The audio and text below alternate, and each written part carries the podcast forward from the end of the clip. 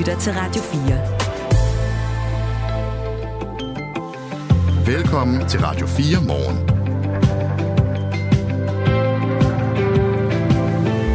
Det er grove løjer, var. Temperaturen falder ned til 7 grader. altså, det, det er jo det, der kan være om sommeren nogle gange i det her underlige land. Nå, men øh, 21. februar er det, og ja, tak fordi du har tændt for radioprogrammet her, hvor vi ruller et nyhedstæppe ud. Jeg hedder Kasper Harbo. Jeg hedder Michael Robach. Her til morgen og til formiddag er der mange landmænd, der holder vejret, for de glæder sig, eller det modsatte, til at se en rapport, som bliver udgivet kl. 11 der er garanti for diskussioner og ballade, for rapporten den kommer med anbefalinger og modeller for, hvordan en kommende CO2-afgift for landbruget kan se ud. Vi havde jo et bæredygtigt landbrugsformand med i går, der troede med aktioner. Altså ud og blokere veje og sådan noget. Om en kvarters tid taler vi med en mand, der er mere positivt indstillet over for en eventuelt kommende afgift. Niels Jørgen Vinger Rasmussen er biodynamisk bio, øh, mælkebonde, og han er med her om et kvarter. Efter den russiske oppositionspolitiker Alexei Navalny's død, så har hans kone meldt sig på banen. Julia Navalny øh, hedder hun, og hun vil overtage sin afdøde mands politiske kamp. Men hvem er hun? Det spørger vi Samuel Ratlin om. Han er journalist og forfatter og tidligere mange år i Moskva-korrespondent. Lyt med om cirka 6-7-8 minutter. Der er noget galt med debatten om folkeskolen. Lige nu diskuterer man jo, hvem har ansvaret i sagerne om vold og overgreb på flere skoler. Og det er slet ikke på den måde, man finder en rigtig og holdbar løsning på de lokale problemer, lyder kritikken fra Skolelederforeningen. Næstformanden uddyber om en halv time. Det er nogle af historierne, men vi begynder faktisk i Ølst. Det gør vi. Godmorgen. Godmorgen. Det her er Radio 4 morgen. Ja, naboer til det store jordskred ved Nordic Waste i Ølst kan ånde lettet op for denne omgang. Jordskredet er ved at stabilisere sig. Derfor er der altså ikke fare for, at den nærliggende landsby bliver begravet i op til 5 meters mudderhøjde, som det tidligere har været frygtet i et worst case scenario fra en øh, ja, fra analytikere. En ny rapport fra GEOS, som måler den slags, siger altså, at faren er drevet over for nu. Rosa Lykke Yde er byrådsmedlem for SF i Randers Kommune. Godmorgen. Godmorgen til jer. Er det en god nyhed? Ja, det synes jeg, det er. Øh, jeg tror at der har, der har siddet mange borgere ude i Ølst og tænkt, gud, tænk, hvis det her worst case scenario nogensinde udspiller sig. Øhm, og af den meget lange liste, vi har over ting, vi skal være bekymrede over i forbindelse med Nordic Waste-sagen, så kan vi i hvert fald nu øh, strege det worst case scenarie øh, fra listen. Øhm, det, er, det er sådan, jeg læser rapporten. Øh, Ølst bliver ikke begravet i, i jord, og, øh, og det synes jeg, vi skal glæde os over, trods alt. Det har været en ophedet tid i Danmark, og ejeren af majoriteten i Nordic Waste har jo fået læsset hestemøg af i sin indkørsel og sådan noget. Og nu viser det sig jo så, at den formentlig ikke koster den nærliggende landsby livet, den her virksomhed. Har det været ud af proportioner, det der er sket de sidste måneder? Nej, man kan sige, at, at det var jo faktisk vurderingen, at det kunne øh, have været worst case scenariet, hvis ikke vi havde lavet den øh, kæmpe store afværgeindsats, vi har lavet øh, i forbindelse med særligt de indsatser, vi har gjort ved at fjerne jord. Øh, det viser sig øh, nu, at det er med til at stabilisere jordskredet. Hvis jordskredet bare havde øh, fået lov at, at udvikle sig selv, så var det faktisk et, et tænkeligt scenarie, at Ølstik øh, om nogle år længere ville være der, og simpelthen ville være blevet begravet i jord. Så man kan sige, at de indsatser, Randers Kommune har gjort på skadestedet, de har virket. Hvilke akutte miljørisici skal der kigges på nu, mener du? Altså, der er jo stadig en nærliggende å. Åh oh, ja, altså vi er slet, slet ikke færdige øh, med den øh, akutte indsats, så der bliver jo også et langt efterspil, når det ikke længere er de allermest akutte ting, vi skal tage os af. Øh, Allingå er, øh, som du selv nævner her, jo stadigvæk øh, et af de helt store øh, øh ting, vi skal bekymre os for. Øh, og især har vi store udfordringer, det skal være ærligt at sige, med de kæmpe store mængder overfladevand, vi har. Øh, og det er jo forurenet overfladevand, og det forsøger vi virkelig at håndtere. Det er rigtig svært, og det, øh, det, ja, det er stadigvæk øh, virkelig noget, vi skal være bekymrede for. Hvem skal betale? Ja, det er jo et godt spørgsmål. Det mener jeg selvfølgelig skadevold og skal, og, og der er jo ingen tvivl om, hvem det er, der har tjent penge på at have en virksomhed. Øh, der er heller ingen tvivl om, hvem det er, der har etableret en virksomhed øh, øh, og ikke har drevet den inden for rammerne. Øh, det betyder ikke, at jeg ikke øh, også, og jeg er også selv øh, helt med på, at vi skal undersøge Randers Kommunes rolle i det, men økonomisk set er der ingen tvivl om, at, øh, at det er virksomhedens øh, ansvar at øh, overholde miljøgodkendelserne, og det har de ikke gjort. I forbindelse med konkursbegæringen af virksomheden, der kom det også frem, at de har indstiftet en fond øh, med 100 millioner, en klimafond, og 50 af de der millioner, de skal gå til Ølst, og øhm, resten skal gå til projekter, der giver viden om klimaforandringer. Hvad nu, hvis det viser sig, at de 100 millioner kroner er mere, end der egentlig skal bruges? Er Torben Østergaard Nielsen så en helt?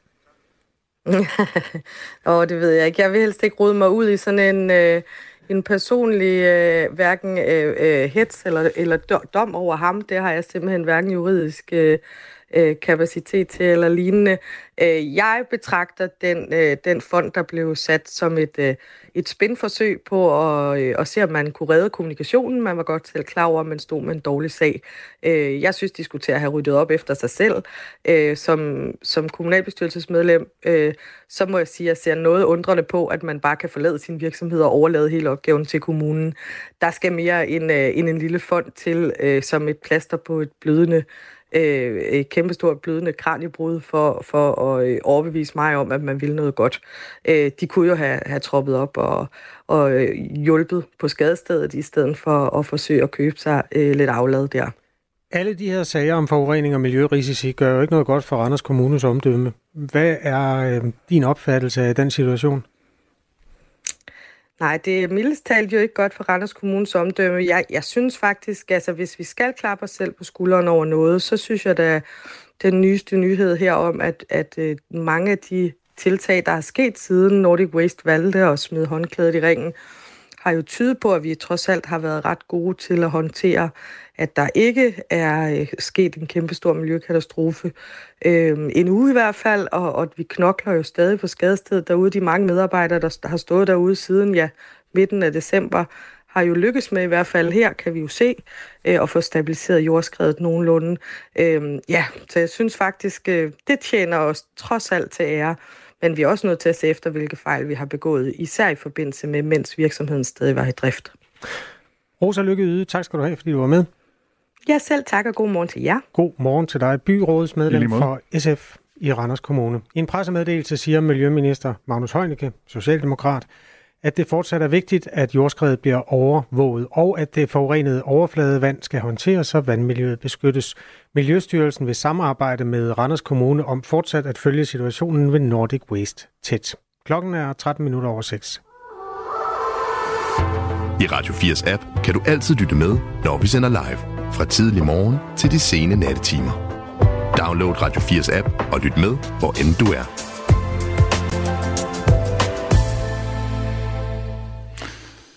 Efter den russiske oppositionspolitiker Alexei øh, Navalny's død har hans kone meldt sig på banen i kampen for det, hun kalder et frit Rusland. Julia Navalny, som hun hedder, fortæller i en video, at hun vil tage plads i spidsen for den russiske opposition. Også selvom hun tidligere har sagt, at hun aldrig vil gå ind i russisk politik. Я буду продолжать дело Алексея Навального, продолжать бороться за нашу с вами страну, и я призываю вас стать рядом со мной. Lyden her har vi lånt hos øh, DR, og helt præcis så siger hun, jeg vil fortsætte Navalny's arbejde, altså hendes mands arbejde og kamp for vores land, og jeg opfordrer øh, til at stå ved min side, siger altså Julia Navalny, som altså er enke efter Alexei Navalny.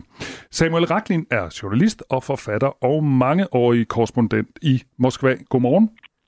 Godmorgen, godmorgen. Du skal gøre os lidt klogere på, øh, hvem øh, Julia Navalny er. Hvordan vil du beskrive hende? Jamen altså, øh, Julia har jo ikke på den måde haft en øh, offentlig eller politisk rolle. Hun har primært optrådt som Alexei Navalny's øh, kone, øh, fælde, øh, der fulgte ham i tygt og tyndt overalt. Hun har altid stået ved hans side, uden selv egentlig øh, ret ofte øh, taget platformen. Men det gør hun så nu, fordi der er opstået det her øh, vakuum, det her tomrum, i, midt i denne tragedie, og øh, hun fornemmer behovet for at udfylde det tomrum. Og det gør hun så med altså meget fattet øh, meget velformuleret, meget velartikuleret, øh, men selvfølgelig med både en vis fortvivlelse og artikula, øh, øh, fortvivlelse og desperation, øh, fordi øh, det er situationen, og der er ikke meget håb, og der er ikke meget plads, og der er ikke mange andre, øh, der kan slutte sig op bag hende, fordi øh, alt bliver holdt i så stramt et greb i Putins Rusland i dag. Hun siger så, at hun vil øh, fortsætte sin mands kamp. Hvad er det for en kamp, hun går ind i?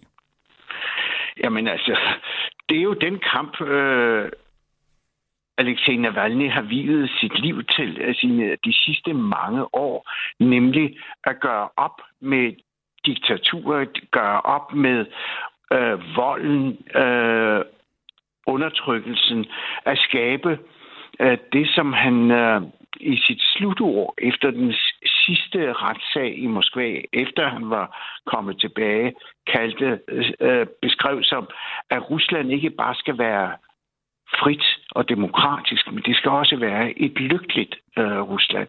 Han havde altså en vision om et, et land, og et system, der kunne blive, der kunne se ud som øh, de vestlige liberale demokratier, og det er det, han ville kæmpe for, og det er det, han ligesom øh, lovede, sine, øh, sin, øh, lovede den russiske befolkning. Mm. I fredags der kom altså meldingen om, at øh, Putins største kritiker, som jo altså er Alexei Navalny, er død, og ifølge fængselsmyndighederne så fik Navalny det dårligt efter en god tur og døde kort tid efter i fængslets varetægt. Familien har stadig ikke fået mulighed for at se hans lig, og øh, Julia Navalny, som bor i eksil i Tyskland med øh, parets to børn, øh, er ifølge The Guardian, så er det uklart, om hun har tænkt sig at rejse tilbage til Rusland, hvor hun måske vil øh, stå over for en retsforfølgelse. Og lige nu der taler jeg med Samuel Raklin. Samuel, er der nogen chance for, at hun kan være oppositionspolitiker, øh, hvis hun sidder i Tyskland? Ja, altså det må man jo spørge sig om. Er, er, er der nogen chance for, at hun kan øh, få en platform og en position som oppositionspolitiker, hvis hun øh, levede, øh, hvis hun tog til øh, Rusland og levede i, i Moskva eller et andet sted. Der er ikke nogen som, noget som helst rum øh, på nogen måde til, at der kan være en oppositionsfigur. De bliver ryddet af vejen enten altså likvideret, som vi har set gang på gang, øh, med Boris Nemtsov og alle andre, der rejser sig og øh, som kritikere og aktivister, øh, eller altså lide den samme skæbne som hendes, ma- øh, som hendes mand, øh, at blive arresteret stille for en, øh, sku, øh, en for retten i en skueproces og spærret inde. Altså det vil, der er simpelthen, altså det må, øh, det, det, vi, vi stiller jo de her spørgsmål, og jeg forstår godt, at man efterlyser, at det er øh, efter vores form for rationalitet, at jamen, er der mulighed, kunne hun gøre det? Det alternativ eksisterer ikke, fordi det er en anden form for virkelighed, og det er en anden form for tænkning, og det tror jeg, at uh, Julia i dag fuldstændig klart forstår, hvad spillereglerne og vilkårene er. Det vil være sindssygt at tage tilbage. Og det var det sådan set også, da Alexej Navalny øh, gjorde det. Men øh, for ham var det en bevidst overvejet handling, en politisk handling, fordi han så, at øh, hvis, han ikke, hvis han ikke viste at han ikke var bange, at han ville stille op, uanset hvad man troede med, så ville han ikke have nogen politisk fremtid i Rusland. Det fik han så heller ikke alligevel. Har du nogen fornemmelse af, hvordan sådan russerne, det ved jeg godt, det er mange forskellige slags mennesker, men, men hvordan sådan måske de russere, som er i opposition til Putin, ser på Julia Navalny? Jamen, ved du hvad? Altså, der er jo et, eksempel øh, med øh, Svetlana Tikhanovskaya i i øh, Belarus, øh, som jo også primært var en, øh, en en, hvad skal vi sige, sidekick til sin mand, der var øh, politisk aktiv og stillet op til præsidentvalget, men blev arresteret af Lukashenkos øh, diktatoriske styre, og, og på den måde, om ikke fysisk øh, likvideret, men så elimineret som en øh, oppositionspolitiker. Hun stillede sig op, hun gjorde det samme, som øh, Julia Navalny nu er i gang med, og prøvede at indtage hans platform, men efter ganske kort kort tid, så var det umuligt. For hun fik en position, hun førte en kampagne, Men der var jo ikke nogen, øh, hverken plads eller luft eller øh, spillerum øh, for hende, så det endte med, at hun måtte søge en flygtighed og føre sin kampagne i dag fra udlandet. Hun har bosat sig i Litauen. Mm.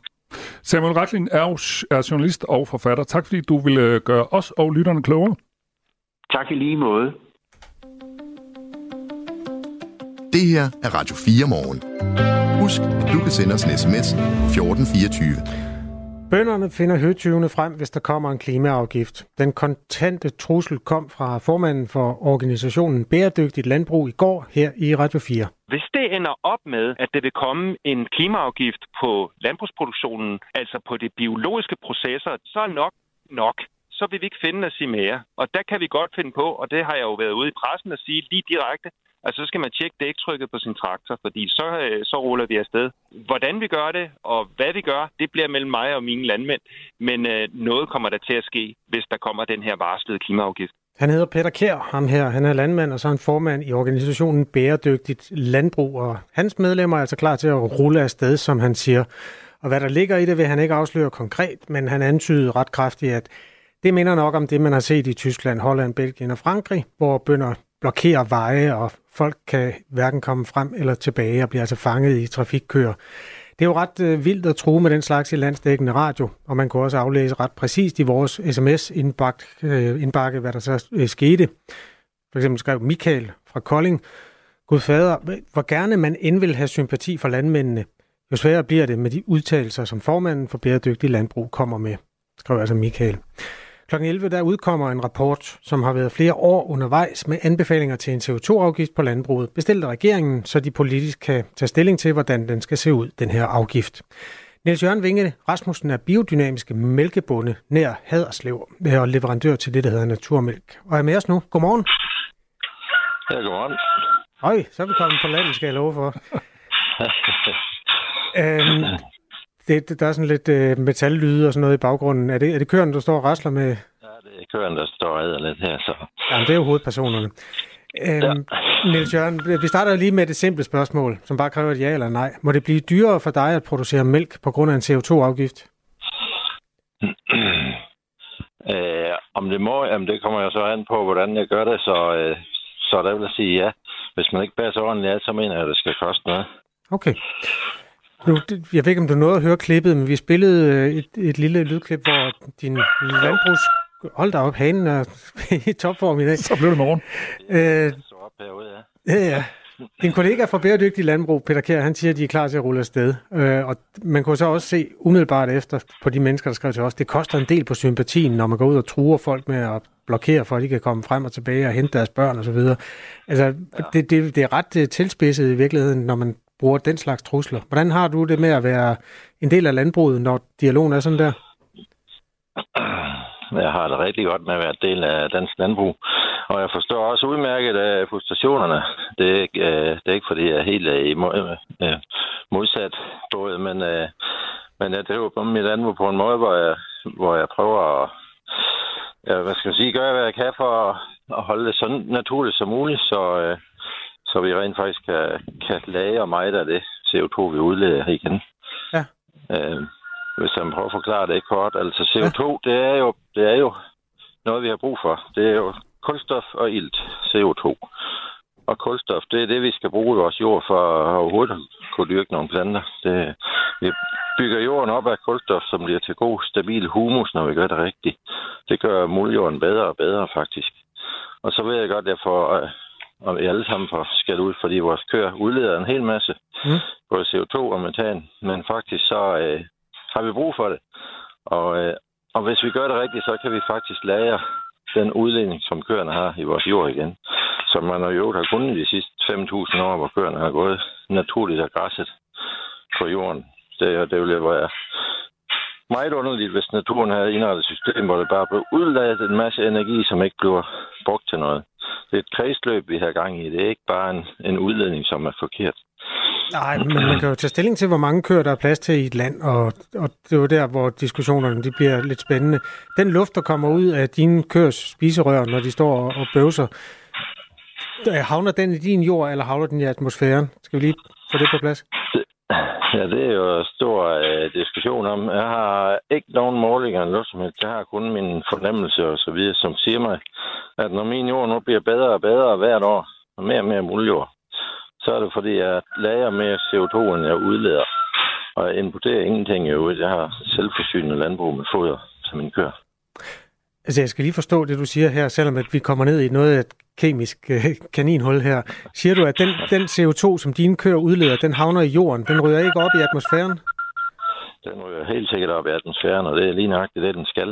Og så det er jo en proces, som øh, kører over 12 år, som er meget kompliceret, og jeg ikke er inde i, men, øh, men på det, på det, i det lange løb, så er det jo et kredsløb, som ender med, at vi får mere og mere kulstof i jorden. Ja, og mere og mere i atmosfæren, og det er jo det, som øh, forskerne er lidt bekymrede for i relation til den globale opvarmning. Men ja, ser du anderledes på det?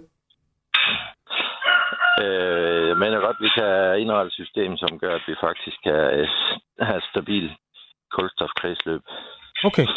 Jamen, det og det er jeg... muligt, at vi skal have mindre, mindre dyr, men uh, det vigtigste for mig at se, det er, at vi får flere dyr ud på græs igen. For det er det, der er naturligt, og det er det, der gør, at kredsløbet kører mest muligt korrekt. Ja, det, øhm, altså jeg er helt sikker på, at dine inputs er meget velkomne hos de mennesker, der sidder og regner på de kemiske balancer i det her.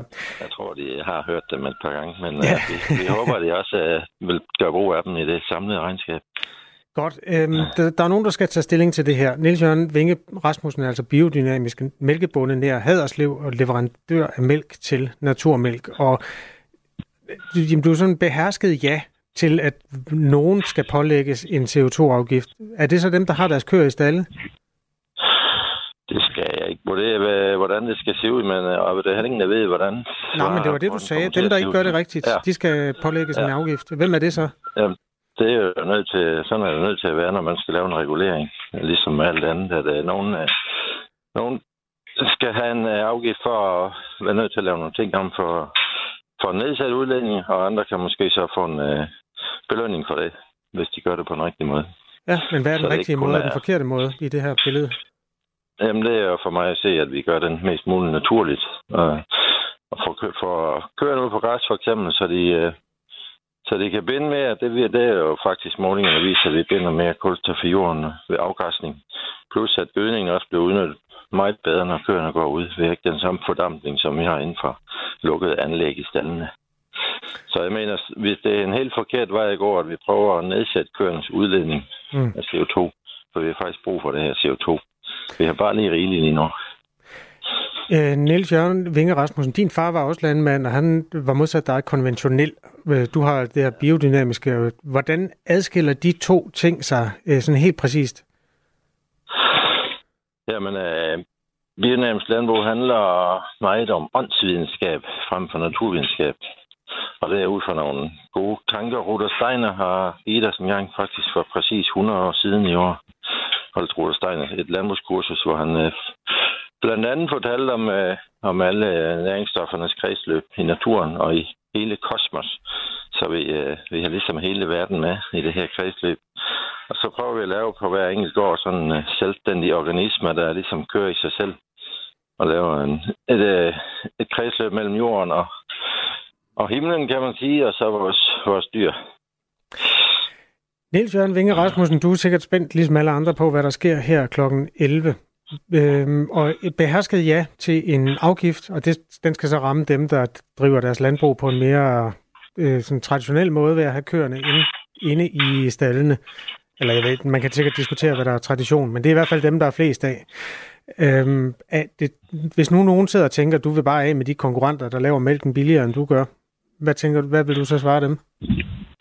Ja, jeg, jeg skal ikke afgøre, hvem der skal have en afgift, men øh, og jeg vil ikke have med nogen. Jeg vil bare øh, fortælle om den måde, jeg gør det på, og så er det op til folk selv at, at gøre, hvad de vil. Det var godt, du har tid til at tale med os her til morgen. Uh, malkningen er overstået for nu, ikke? Jo, det er ved at være den tid, ja. ja. så må du ind og have en kop kaffe. Ja. Uh, ha' en god arbejdsdag. Ja, tak lige meget. Tak skal du have. Tak skal du have. Niels Jørgen Vinge Rasmussen, altså fra Haderslev hvor han driver sit biodynamiske mælkebunde produktion, og han leverer til det, der hedder naturmælk. Kvart i otte kommer vi til at se nærmere på den her meget omdiskuterede øh, afgift og en uudgivet rapport indtil videre. Den kommer kl. 11. Vi får en, en journalist med, som virkelig har sat sig ind i CO2-spørgsmålet i landbruget. Han kan udlægge præcis, hvad der er op og ned i den her tvikkamp mellem landbruget og de politiske ambitioner. Og måske også internt i landbruget, for det er jo altså åbenbart forskellige stemmer, der taler der. Der var en meget ivrig hane på, øh, i baggrunden der på landmanden. Der er en grund til, at mange villakvarterer siger, at du må godt have høns, men du må ikke have haner. Okay. Jeg kunne se, at solen stod op først op 7.33 i Haderslev, så den, er, den var lidt tidligt ude. Ja, ja, det er det, de gør. Nu klokken halv syv. Nu er der nyheder på Radio 4. Det ekspertudvalg, der har vurderet modeller for en CO2-afgift på landbruget, vil anbefale en afgift på højst 750 kroner per udledt ton CO2. Det erfarer TV2 og Kristelig Dagblad.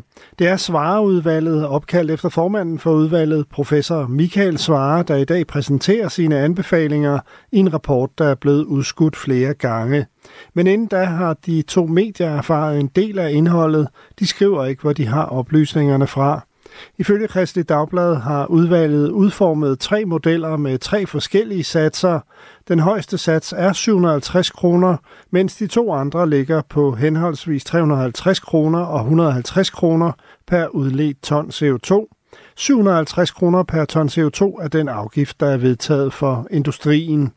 Landbruget skal også levere til den grønne omstilling, siger præsident for Danmarks Naturfredningsforening Marie Rømert Gerding til TV2. Så ved vi jo også, at landbruget fylder mere og mere i klimaregnskabet. Det vil sige, at landbruget skal omstille sig. Man skal begynde at producere nogle andre ting på sine marker. Man skal have færre dyr, sådan så at man kan være med til at levere øh, til, til Danmarks klimamål, fuldstændig ligesom andre erhverv er i fuld gang med deres grønne omstilling.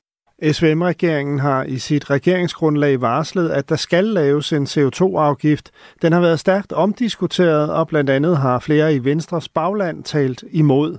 For landbruget har der været bekymring om, at en CO2-afgift kan føre til tab af arbejdspladser i landbruget, hvis produktionen flytter til udlandet. Svareudvalget præsenterer rapporten kl. 11 i dag. Trivslen blandt elever på Adrup skole lå under landsgennemsnittet i den seneste måling fra sidste skoleår. Det viser trivselsmålingen fra Børne- og Undervisningsministeriet ifølge Jyllandsposten. I målingen har 84 procent af eleverne svaret, at de generelt trives på skolen. Landsgennemsnittet lå på knap 88 procent. For bare en håndfuld år siden svarede næsten 93 procent af eleverne på Adrup skole, at de trives. Siden er den faldet år for år. Adrup skole er i øjeblikket omdrejningspunktet i en sag, hvor forældre til elever på skolen har udtrykt bekymring over grænseoverskridende adfærd. Donald Trump risikerer at få beslaglagt sine skyskraber. New Yorks Justitsminister Letitia James siger, at hun er klar til at gå efter beslaglæggelse af ekspræsident i USA Donald Trumps aktiver, hvis ikke han betaler en bøde på 355 millioner dollar. Det siger hun til ABC News. And we will ask the judge to seize his assets. Vi vil bede dommeren om at beslaglægge hans aktiver, siger hun. Beløbet, som Trump skal betale, svarer til knap 2,5 milliarder kroner. Beslaglæggelsen skal i så fald blandt andet gælde de skyskrabere, som Trump ejer, lyder det. Trump fik bøden i sidste uge, fordi han gennem et årti har overdrevet værdien af sit familieforetagende med op til knap 25 milliarder kroner. Ekspræsidenten har appelleret bøden. Den 29. maj skal sydafrikanerne til stemmebokserne, når, det, når der både afholdes nationalt valg og valg i landets ni provinser. Det meddelte landets præsident Cyril Ramaphosa i går, skriver AFP. Meningsmålinger viser indtil videre, at Ramaphosa's parti for første gang kan ende med færre end 50 procent af stemmerne, og dermed kan blive nødt til at dele magten. Først lidt regn og diset. Senere klarer det op. 5-9 grader, lidt til frisk vind omkring vest. I aften og i nat regn af og til. Det her er Radio 4 morgen. Husk, at du kan sende os en sms på 1424. På to uger har vi hørt om to grimme sager fra folkeskoler rundt omkring i Danmark, hvor vold og overgreb og ja, krænkelser har fået forældrene på barrikaderne, og nu diskuterer man for det første, hvem burde have grebet ind, hvem skal gøre noget ved det, og hvad kan man stille op med de elever, der ikke hører hjemme øh, på de lokale skoler, efter nogens mening. Øh, vi kan lige tage et pip fra en mand, der blandede sig i går. Han er medlem af byrådet i Odense Kommune for konservativ. Søren Vendel hedder han børn, der har udvist den adfærd over for andre børn på skolen, de skal ikke i skoledagen efter. Og, og vi har også brug for at kigge på, at folkeskolen øh, har brug for et eller andet øh, andet tilbud til nogle elever, som ikke passer ind i den normale skole, fordi de simpelthen ikke har en adfærd, og måske ikke et værdisæt med hjemmefra, der gør, at de passer ind i den skole, hvor de laver ballade og opfører sig øh, utilstedeligt over for andre. Kan man smide børn ud af skolen, eller kan man ikke? Den øh, diskussion er jo meget nærværende, og derfor er det interessant at tale med Dorte Andreas, der er næstformand i Skolelederforeningen. Godmorgen. Ja, godmorgen. Altså, vi hører med politikeren, der siger, at børn, der har begået vold mod andre elever, de skal smides ud af skolen. Øh, synes du, det er forkert, og hvorfor? Jamen, jeg kan godt undre mig over, at, øh, at der er nogle øh, politikere, der kan have sådan et, øh, et børnesyn, og man kunne jo spørge, øh, om, om, om det er sådan et børnesyn, politikerne egentlig også ønsker at have. Og vi kunne også stille det omvendte spørgsmål. Hvordan får vi faktisk de her børn og unge til at passe ind i skolen? Så der, jeg kunne godt have haft et ønske om, at man sådan set havde besindet sig lidt mere, øh, og ikke så hurtigt sådan fældt dom over enkeltsager og tale om, hvordan øh, børn skal smides ud af skolen, men måske i stedet prøve at, at kigge lidt nærmere på, hvad kunne, vi, hvad kunne vi gøre forebyggende for, at det her ikke sker, og hvordan får vi børnene til at passe ind i skolen, før det sker? Øhm, når det her det er jo ikke enkelt sager, det er jo noget meget principielt. Kan man blive smidt ud af skolen, ja, ja, hvis man opfører sig tilstrækkeligt groft? Øhm, og der er en lang liste over øhm, de restriktioner, der bliver sat ind. Men jeg skal bare lige høre grundlæggende. Du er ikke tilhænger af, at et øh, menneske, der begår en eller anden form for overgreb mod et andet, skal ud af skolen Altså, vi har jo nogle, øh, nogle øh, rammer omkring skolen, som vi kan handle inden for os som skoleleder. Det er den, der hedder bekendtgørelsen om god orden i folkeskolen. Og de er, de er egentlig øh, gode, og, og jeg finder dem egentlig også tilstrækkeligt. Der er også mulighed for, at man kan, øh, hvis det er muligt, at, at øh, sende et barn hjem, eller øh, flytte det til en anden skole, hvis det er en mulighed. Men i stedet for egentlig at kigge på, om vi skal smide børn ud, fordi det er ikke det børnsyn, at jeg deler i hvert fald. Det er, hvordan kan vi gribe ind og være mere, øh, ikke eller ikke gribe ind, hvordan kan vi være mere forebyggende, hvordan kan vi egentlig investere i de almindelige fællesskaber, øh, der er i skolen, hvordan får vi børnene til at passe ind. Og der oplever jeg altså lidt, at vi har nogle, øh, vi, vi øh, som, som skoler ikke altid har de muligheder for egentlig at kunne arbejde forebyggende. Der er nogle støttesystemer omkring skolen, som øh, børn og familie og, øh, og PPR og skolepsykologer, som vi oplever er ekstremt presset også. Og det er jo en af de støttesystemer, som vi skal læne os op af som skole, så vi kan hjælpe de her børn og unge og deres familier med også at kunne passe ind i skolen. Og det er egentlig det, jeg synes, vi skal rette blikket hen, i stedet for at tale om, kan vi smide børn ud af skolen, eller øh, altså i stedet for at prøve at sige, hvad er det, vi skal investere i, for mm. at børnene kan passe i skolen, før det sker, så det ikke sker. Ja. Jeg taler med Dorte Andreas, der er næstformand i Skolelederforeningen, og der er jo to spor i det her, øh, Dorte. Der er jo det, mm, hvad gør man med de elever, der opfører sig øh, forfærdeligt, og så hvad kunne man, eller hvad skal man investere i, så der bliver færre af den type elever. Jeg løber lige den der lange liste igennem, der hedder bekendtgørelse om fremme af god orden i folkeskolen. Fordi det er sådan en, en rangordning af de øh, restriktioner, man kan stå over for, hvis man opfører sig i strid med ja, reglerne for god orden, hedder det. Det er jo for eksempel at tæske øh, ham, der sidder på siden undskyld, ham der sidder ved siden af. Øh, regel nummer et, eller sanktion nummer et, eftersidning i op til en time. Nummer to, overførsel af eleven til en anden undervisning på skolen i enkelte timer eller resten af skoledagen. Nummer tre, omgående udelukkelse af eleven for resten af skoledagen. Nummer 4. Udelukkelse af eleven fra undervisningen i hele skoledage i op til 10 skoledage inden for samme skoleår. Nummer 5. Overflytning af eleven til en parallelklasse på samme skole. Nummer 6. Overflytning af eleven til en klasse på tilsvarende klassetrin på en anden afdeling ved samme skole. Og så først nummer 7. Overflytning af eleven til en klasse på tilsvarende klassetrin på en anden skole. Altså ud af skolen og ind i en anden skole. Det er nummer 7 på den her liste. Og så er der jo et øh, mulighed for, hvis det er en 10. klasses elev, at bare udskrive eleven og sige tak for i dag. Øh, det lyder som om, at øh, trin nummer syv, det er noget, man aldrig kommer til. I hvert fald, hvis vi hører øh, sådan debatten om, om de børn, der går på, på, på de her øh, skoler i Borup og den ved Odense, som kom frem i går. Øh, øh, kan du forstå det, at det giver undren hos de stedlige øh, øh, forældre til elever, der så skal sidde ved siden af, af dem, der har begået vold?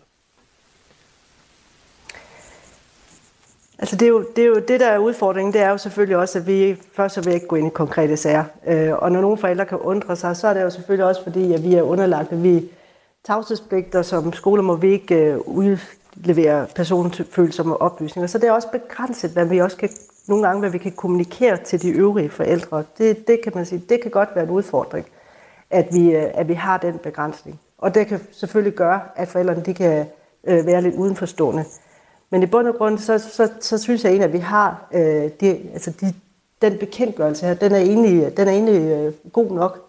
Men altså, jeg vil gerne i stedet for at pege hen på og sige, skulle vi prøve at kigge på, hvad er det, der gør, at vi har svært ved at, at handle på skolen? Hvad er det for nogle, hvordan, hvordan kan vi i stedet for at sige, at vi smider dem ud, eller hvad er det for nogle restriktioner, nogle foranstaltninger, vi har som skole, vi kan gøre i forhold til de her elever, så vil jeg hellere jeg vil meget, meget hellere, vi virkelig ønsker, at politikerne vil kigge på, hvordan får vi faktisk alle børn til at passe ind i de fællesskaber. Jamen nu går du over i det, der hedder for, forebyggelse. Det, det er fint ja, nok. Det gør, vi, fordi, vi kan godt tale jamen, om det. Fordi det. Ja, fordi jeg tror, det er det, der er væsentligt at kigge på nu. Men det er det nu bare ikke for de mennesker, der, øh, der interesserer sig i de to øh, sådan, aktuelle sager. Så vi bliver nødt til at blive ved jo, det der. Det vil, jo, jamen det, det vil være min påstand, at hvis vi havde de nødvendige forebyggende indsatser, der ja. skulle til for at hjælpe de her børn, som kommer i de her problemer, for det er jo klart et symptom.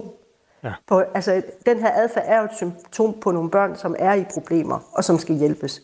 Men hvis vi slet ikke nåede dertil, så vil det her slet ikke opstå. Nej, men det, det er, derfor, vi jo nået til. Det er derfor, det er derfor...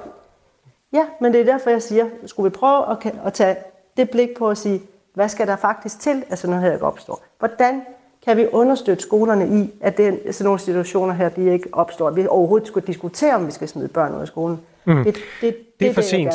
Det er for sent at sørge for, at det ikke sker, for det er sket. Og Nej, det... det er ikke for sent, for vi kan kigge fremad. Ja, okay, fint det er nok. ikke for sent. Nej. Det er jo faktisk nu, at vi skal sige, i stedet for at ændre i de øh, bekendtgørelser om god, øh, om god orden i folkeskolen, øh, skal vi stramme op på det, så synes jeg, det er der, jeg vil hen. Altså, det er ja. der, jeg synes, det er vigtigt. Vi vil rette blikket hen imod nu. Ja, men nu er det mig, der bestemmer, hvad vi skal tale om i dag, Dorte Andreas. Det, ja, og, og prøv at høre her. Men så får du også dit svar. Ja, ja, altså, fordi det, tag, prøv at se på mig som en hjælper. Jeg hjælper dig med at forstå, hvad det er for et, øh, ja. en, en stemning, du I taler ind i som skoleleder. Øh, men det forstår jeg, jeg udmærket Og jeg vil gerne, nej, vent med at snakke. Vent, vent nu med at sige noget, øh, til jeg har, har talt ud. Dorte Andreas er næstformand i Skolelederforeningen, og øh, jeg vil gerne læse nogle sms'er op, som er den der folkestemning, som I, I står overfor. Den er, den er meget frådende nogle steder. Ikke? Øhm, en af de mere fredelige, den kommer fra Jonas. Han skriver, da jeg var barn i 90'erne, var jeg problembarn og endte med at gå i en special heldagsklasse for den slags børn. Øh, vi var fra hele kommunen. Det fungerede fint. Eksisterer de ikke længere, for det virker som en simpel løsning, skriver Jonas, altså tidligere problembarn. Eksisterer det ikke længere? Altså specialskoler eller specialklasser, jo, det, eksisterer, det eksisterer der i den grad. Og der, der hjælper vi jo også børn hen, som, som, har, øh, som har brug for det. Øh, på, og der er jo forskellige øh, diagnoser og, og grunde til, at man kommer i et øh, specialtilbud. Carsten Nørlund, han skriver... Det er der også, der er også, øh, vi ved også, at der også er, er, er meget store... Øh, øh, altså der, der er mange, der, der, der får et specialtilbud i dag. Mm. Og det, og det var egentlig det, jeg gerne vil hen. Vi op, altså, I forhold til, at vi oplever et pressesystem, så de støtteforanstaltninger, det kunne være, det, det er ikke sikkert, det er et specielt tilbud, for det kunne også være anden hjælp, at sådan et barn skal have. Det er mm. derfor, jeg prøver at kigge hen imod de her støtteforanstaltninger, hvordan vi er presset som, som, øh, som skole, hvordan de støttesystemer også er presset. Jonas altså, var et problembarn. Jonas han lavede ballade, og han var lavet problemerne efter han havde lavet dem. Da de ikke længere kunne forhindres, fordi det var en realitet, at han lavede, havde lavet balladen, så blev han flyttet hen til en klasse, hvor andre børn, der havde lavet noget grænseoverskridende, de blev anbragt sammen og blev behandlet af nogle pædagoger med sådan, eller lærere med nogle særlige pædagogiske evner.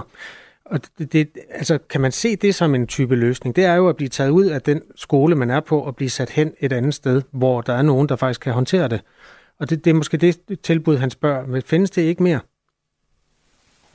Jo, det findes. Øh, og der skal du øh, have en, en diagnose, øh, eller, eller der skal, du skal igennem en, øh, en øh, pædagogisk, psykologisk vurdering, for at man kan visitere til, til sådan et tilbud.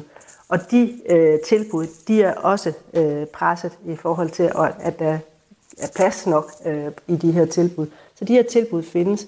Men det, det vil jeg gerne vil hen, og det er, og det er jo jeg vil jo ønske, at Jonas han kunne have været blevet hjulpet, inden han skulle have sådan et specielt tilbud. Mm. Altså, og det, det er derfor, jeg hele tiden peger på de forebyggende øh, indsatser. Øh, at jeg ville så gerne, at vi kunne prøve at sige, der er noget, der er sket. Hvad er det? Kan vi prøve at kigge på, hvad er det for, ligesom vi kigger på et røntgenbillede på skadestuen, hvis vi er kommet til skade. Altså kan vi prøve at se ind i, mm. hvad er det, der skal til for at reparere, eller, eller ikke reparere, men forebygge øh, i det her. Hvordan, hvordan, hvordan, hvad er det for nogle øh, støtteforanstaltninger, som skal hjælpe barnet, familien, skolen til, at, at det slet ikke kommer i den her situation. Det er jo det, er det der er mit ønske, at vi kan ret blikket derhen imod. Mm. Vi taler frem for at, og, og tale om, om vi skal smide nogen ud. Men det vil jeg gerne, lige, det vil jeg gerne, det gerne, lige, ja, det vil jeg gerne lige holde fast i. Vi taler med Dorte Andreas, som er næstformand i Skolelederforeningen. Og du får lige en sms mere, den er fra Lars fra Greve. Han skriver, håber det aldrig kommer til at gå ud over hendes børn, altså dine børn, der kunne blive truet med kniv og så møde samme person dagen efter i skolen. Og det er jo sat tingene på spidsen, og for eksempel hvis det er voksne, så er vi jo meget, meget optaget af, at hvis man har været udsat for en forbrydelse, at man så ikke for eksempel møder gerningsmanden næste dag i bybilledet og lignende. Hvorfor er det ikke på samme måde i skolen? Jeg forstår udmærket godt øh, de, de frustrationer. Og igen, så kan jeg jo ikke, jeg kan ikke gå ind i enkeltsager, og hvad der, det, det ved jeg heller ikke, om. ikke nok om til, altså øh, hvad der er, øh, hvad der er sket i, i de situationer der. Men selvfølgelig, øh, selvfølgelig skal hvad hedder det, alle børn føle sig trygge i skolen. Det, der, altså, det er jo overhovedet ikke øh, øh, uenig i. Altså, det, det skal vi. Det er vores forpligtelse til at hjælpe alle børn og sikre, at man er tryg. Så du ender med at sige, at børn kan godt blive flyttet til en anden skole af hensyn til de børn, der har været udsat for krænkelser eller vold eller lignende? Men det er jo en af de muligheder, vi har, hvis det er, en mulighed. altså, hvis det er muligt. Det skal jo ske i et samarbejde med forældrene, øh, og det skal jo ske et samarbejde med en anden skole også. Men det, det, er, jo så, altså, det er jo en af de øh, øh, hvad hedder det, foranstaltninger, der står i øh, bekendtgørelsen om god orden. Men det virker bare som om, at du synes, at det ikke er et rimeligt argument, eller du i hvert fald synes, at det skal man ikke ty til, men hvis ens barn har været udsat Nej, det, for... Det, det, det er sådan, jeg har slet ikke sagt, hvad jeg synes i forhold til det. Jeg, ja, det er derfor, jeg prøver at holde fast i, jeg ville så gerne prøve at kigge lidt, øh, ikke bare frem, men sige, hvad, hvad skulle der faktisk til, for at det her det ikke sker. Jeg synes, det er så vigtigt, at vi retter blikket hen på, hvordan vi hjælper øh, alle børn til at egentlig kunne føle sig trygge i skolen. Okay, tak fordi du var med. Det var så lidt. Det er altså Dorte Andreas, næstformand i Skolelederforeningen. Det her er Radio 4 morgen. Nu er rygterne om statsminister Mette Frederiksens internationale eventyr igen startet, og det sker efter, at øh, formanden for EU-kommissionen Ursula von der Leyen har sagt, at hun gerne vil tage en periode mere i jobbet. Og det kan nemlig øge chancerne for Mette Frederiksen, hvis hun vil gå efter posten som formand for det europæiske råd. Dito, Dito, Dito Braso Sørensen er senioranalytiker ved Tænketanken Europa. Godmorgen. Godt lad sig gøre, ja. Godmorgen. Okay, jeg ringer ind lidt før 7.42. Ja, jeg tror, de to taler med hinanden. Jeg kigger lige ud. Er, er du der, de to? Hej. Der er gået ged i det der, Michael Robach. Vi tager den historie lidt senere. Det vi gør nu, det er simpelthen, at vi siger, at øh, klokken er 7, nej, 6.48, og øh, du hører Radio 4 morgen. Og tak til de mennesker i øvrigt, der reagerede øh, godt og nærværende ved at skrive til os på nummer 1424 i forhold til den øh, historie, som vi havde for lidt siden. Nu kan vi lige vende os mod slankemidlet ved Govi. Der så er vi altså over i en helt anden afdeling. Øhm, der er godt nyt til dig, der forsøger at tabe dig med Vegovis hjælp, og som også gerne vil ud af det igen. Det er nemlig muligt at fastholde vægttabet efter stop med Vigovi, hvis du spiser sundt og træner regelmæssigt. Det viser ny dansk forskning, som Sine Sørensen Toreskov står bag. Hun er professor ved Biomedicinsk Institut på Københavns Universitet og har fulgt 109 personer i to år. Og resultatet var tydeligt. Den gruppe, der både havde Vegovi og trænede ved siden af, altså både havde slankemidlet og fysisk gjorde noget for at tabe sig, kunne blive ved med at fastholde en lavere vægt, selvom man stoppede med medicinen. Det er ikke raketvidenskab, siger Signe Sørensen Torskov. Det hjælper virkelig at have et struktureret træningsprogram, hvor man får trænet øh, hver eneste uge øh, systematisk. Det giver nogle rigtig, rigtig gode vaner, og formodentlig øh, modvirker, at man øh, får et tab af muskelmasse, øh, når man taber sig rigtig meget. Og det giver øh, nogle, formodentlig nogle effekter, der gør, at man ikke tager lige så hurtigt på igen bagefter. Vegovi er jo navnet på Novo Nordisks vægttabsmedicin. Den kom på markedet i USA for tre år siden og i Danmark for et år og tre måneder siden. Hvis man regelmæssigt bruger Vegovi, kan du øh, forvente et betydeligt vægttab på op til 20 procent af din vægt. Og det er altså et vægttab, som man kan forvente fortsætter, hvis man altså træner samtidig. Omkring to timer om ugen er vist bundgrænsen, fortæller Signe Sørensen Toreskov. Den type træning, som vi kalder højintens, altså det vil sige træning, hvor man bliver forpustet, man er så forpustet, så man ikke kan tale, øhm, det hjælper. Øhm, og, og der kan man sige, at to timer er det meget eller lidt, Øhm, de aller, aller fleste af os har mulighed for at tage to timer ud af vores øh, hverdag. Så jeg tror, noget af det, man, man kan kigge på, det er, jamen, når du får lavet træning, hvor du bliver forpustet, så behøver du heller ikke at træne i så lang tid. Det er ret effektivt. Og som de fleste ved, så kan det være svært at komme i gang med at leve en sund livsstil. Og det vigtige er, at man motiverer sig selv. Og det, der motiverer naboen, er ikke det, der nødvendigvis motiverer dig. Det fortæller Cecilie Skov Larsen, der er næringsfaglig leder på Uberup Højskole. Så på højskolen der arbejder vi ud fra øh, fem forskellige motivationstyper. Den første, det er markeren, og det er fællesskabet, der er i spil, hvor at, øh, at det er meget nemmere at få trænet sammen med en øh, marker eller et fællesskab. Så har vi nummer to, der er medskaberen, og den vil rigtig gerne have en øh, indflydelse, og øh, er bestemt ikke til det her med, at øh, jeg går til Zumba onsdag aften. Nej, det skal være fuldstændig fleksibelt og træne lige, når det er, at man selv har lyst. Nummer tre, det er tænkeren, og det er, at det skal give mening. Det er de sådan vidensbegærlige, dem, der har lyst til at have en sådan lidt mere nørdet tilgang til den fysiske aktivitet, og have en viden på baggrund af, at jeg skal altså træne for at holde min muskelmasse ved lige, øh, for at øh, opretholde en højere forbrænding, for eksempel. Nummer fire, det er mesteren, og det er øh, dem, der bliver motiveret af fremgang, og, øh, og hele tiden har en bedre udførelse af den her fysiske aktivitet, så man vil altså gerne gøre det bedre fra gang til gang. Og den sidste, det er mm. nummer fem, og det er vinderen, og det er hele konkurrencemennesket. Mm. Og øh, selvom at øh, de taber, så vil de gerne have revanche. Så hele det her konkurrenceelement altså giver sådan en nysgerrighed og en lyst til at bevæge sig. Og det, der er rigtig svært for mange, det er det her med kosten, for hvad er sund og varieret kost overhovedet? Og hvad hvis man lige føler, at man har tiden og overskuddet? Og hvad hvis man ikke lige føler, at man har tiden og overskuddet til at sætte sig ind i det? Så har Cecilie Skov Larsen, altså fra Uberup Højskole, en lille genvej. Det er øh, T-tallerken, øh, det er den, jeg, jeg arbejder ud fra på, øh, på højskolen. Og det er simpelthen, at vi skal have implementeret de her grøntsager på den tallerken, at øh, vi nu spiser for. Fordi at lige så snart, at vi får implementeret grøntsagerne, så er der altså ikke lige så meget plads til, øh, til de andre fødevaregrupper på tallerkenen. Så mit øh, helt hurtige råd, uden at man sådan behøver at gå sådan i øh, detaljer, det er, at man simpelthen øh, halverer sin tallerken. Så øverst op, der ligger grøntsagerne, og som er halvdelen af tallerkenen. En, øh, en fjerdedel af tallerkenen består af enten fuldkornsris, fuldkornspasta, fuldkornsbrød, og så en, pro- og så en proteinkilde som øh, lige så vel kan være øh, vegetariske retter, øh, der er spækket op med gode proteiner. Så lød det fra ernæringsfaglig leder på Uberup Højskole, Cecilie Skov Larsen. Klokken den er 7 minutter i syv. Du lytter til Radio 4 morgen. Lad os lige følge den til dørs øh, debatten om, hvorvidt folkeskolen skal, eller ikke hvorvidt den skal det ene eller det andet. Altså skal man gribe ind hårdt og eventuelt fjerne nogle af de elever, der begår vold truer med kniv eller laver seksuelle krænkelser mod andre børn? Eller skal man inkludere dem og tale om, hvordan man undgår, at den type historie øh, sker igen?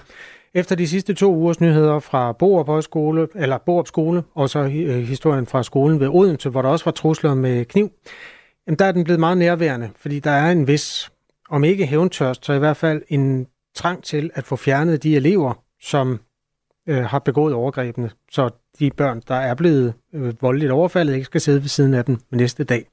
Og det er altså det principielle i den diskussion, vi havde med Dorte Andreas, der er næstformand i Skolelederforeningen for lidt siden. Der er godt nok mange, der har lyst til at ytre deres mening på det felt. Skal jeg tage nogen, eller vil du tage nogen? Øh, øh, jeg kan da lige tage et par stykker. Johnny fra Kalamborg skriver, synes, det er et sygt regelsæt, at der er sat op omkring, hvad man kan stille op omkring børn, der ikke passer ind i den almindelige skole. Det er ødelæggende for folkeskolen.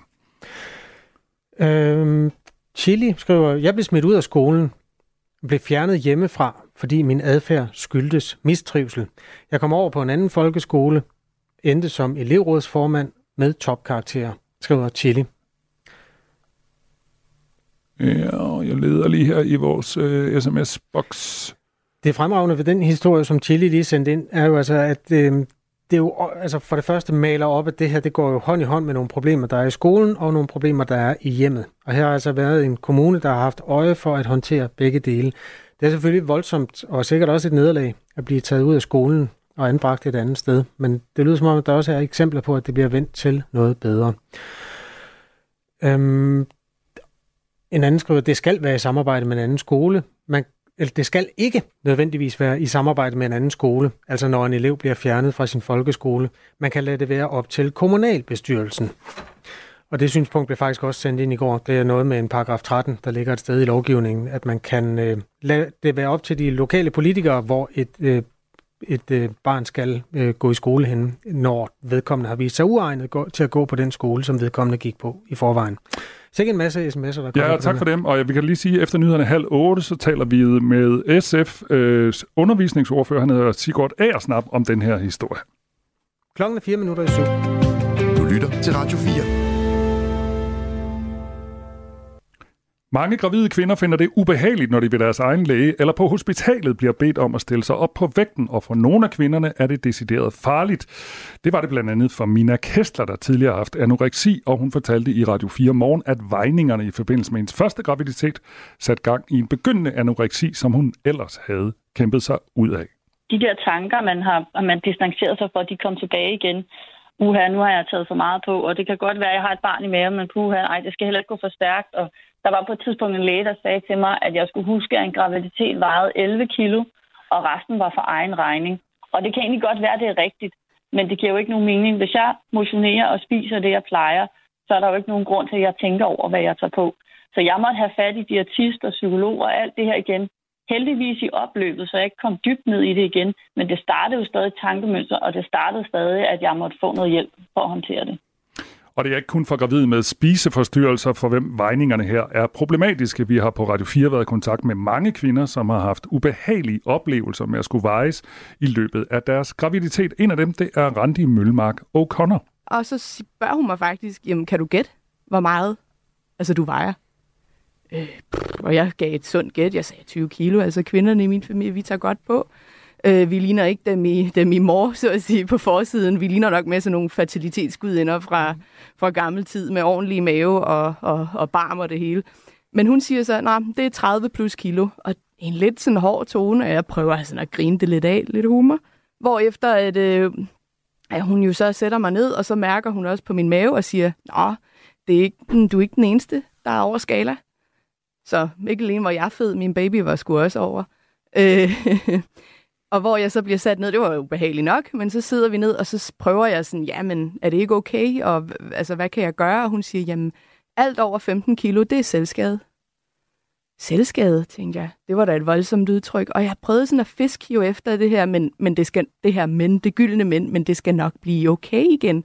Hvorefter hun så, jamen, og det blev bare ved med at køre det her selvskade, selvskade, selvskade. Det kan skade din fødsel, det kan barnet, og, og ikke alene, siger hun, så kan, det blive, så kan det blive meget, meget, meget sværere at tabe igen. Det var ikke sådan, at jeg havde super høje, øh, hvad hedder det, forhøjet, øh, hvad hedder det, så man kan få svangerskabsforgiftning eller andet. Jeg havde super sunde tal. Så jeg forstod egentlig ikke, hvorfor vægten blev, blev isoleret som sådan et problem. Og den her problematik, den genkender flere eksperter, som vi har talt med her på Radio 4 morgen. Og øh, det er blandt andet Inger Bolts, hun er klinisk diætist med speciale i vægtneutral sundhed, og så er hun initiativtager til det, der hedder den tværfaglige sammenslutning Ligevægt. Jamen, den øh, problematik, den, den kan jeg fuldt ud genkende ved mine egne klienter, øh, og det er velkendt øh, i øh, sundhedsdebatten i dag, at, at vejning altså at folk i det hele taget, det, øh, uanset om vi taler børn øh, til skolevejningerne, eller gravide, eller vejning i det hele taget, vejning er forbundet med et meget, altså en, en meget større skam, en meget større stress, end vi ligesom har haft øh, forståelse for i de senere år. Så, så jeg forstår fuldstændig problematikken ved de gravide. Og det er det altså en sag, vi har kigget nærmere på i den her uge her på Radio 4 morgen, og det gør vi igen efter nyhederne klokken 8, og det gør vi så i selskab med Sundhedsstyrelsen, fordi det er på baggrund af anbefalinger fra netop Sundhedsstyrelsen, at øh, sundhedsvæsenet minimum tre gange vil have den gravide kvinde op på vægten. Om det skal være sådan i øh, fremtiden, det spørger vi øh, sektionsleder i Sundhedsstyrelsen, Kira Kimby om, og det er altså efter nyhederne klokken 8.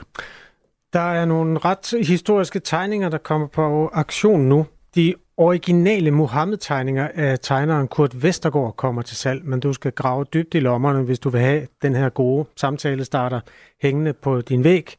Øh, startbuddet er 200.000.